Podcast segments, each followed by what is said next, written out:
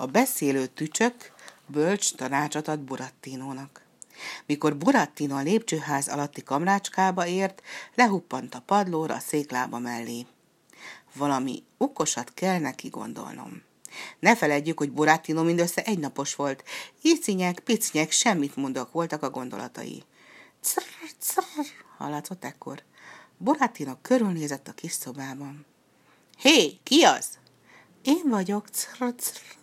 Buratino megpillantott egy rovart. Olyan volt, mint egy svábogár, a feje meg a szöcskéjéhez hasonlított. A tűzhely fölött a falon mászott, és halkan ciripelt.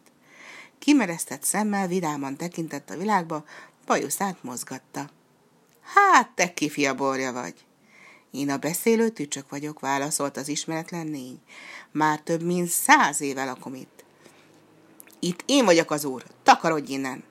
Rendben van, elmegyek, válaszolta a beszélő tücsök. Habár fájó szívvel hagyom itt ezt a szobát, ahol száz évig éltem. De miatt elmegyek, adok neked egy jó tanácsot. Nagy szükségem van a vén tücsök tanácsára.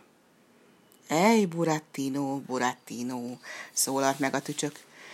Jobb lesz, ha észretész és Karlóra hallgatsz. Azt tanácsolom, hogy ok nélkül ne menj el hazúról, és holnaptól kezdve járj iskolába. Ha nem szívleled meg tanácsomat, szörnyű veszély és rettenetes kalandok várnak rád. Egy lyukas garat sem adnék az életedért. Miért? kérdezte Burattino.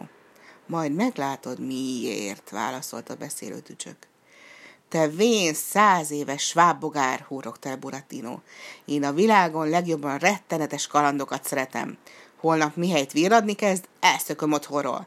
Mászkálok majd a kerítéseken, kifosztom a madárfészkeket, incselkedem a kisfiúkkal, meghúzom a kutyák meg a macskák farkát. Hmm, a többit majd még kigondolom. Sajnállak, nagyon sajnállak, Burattino. Keservesen megbánotta ezt még. Miért? kérdezte Burattino.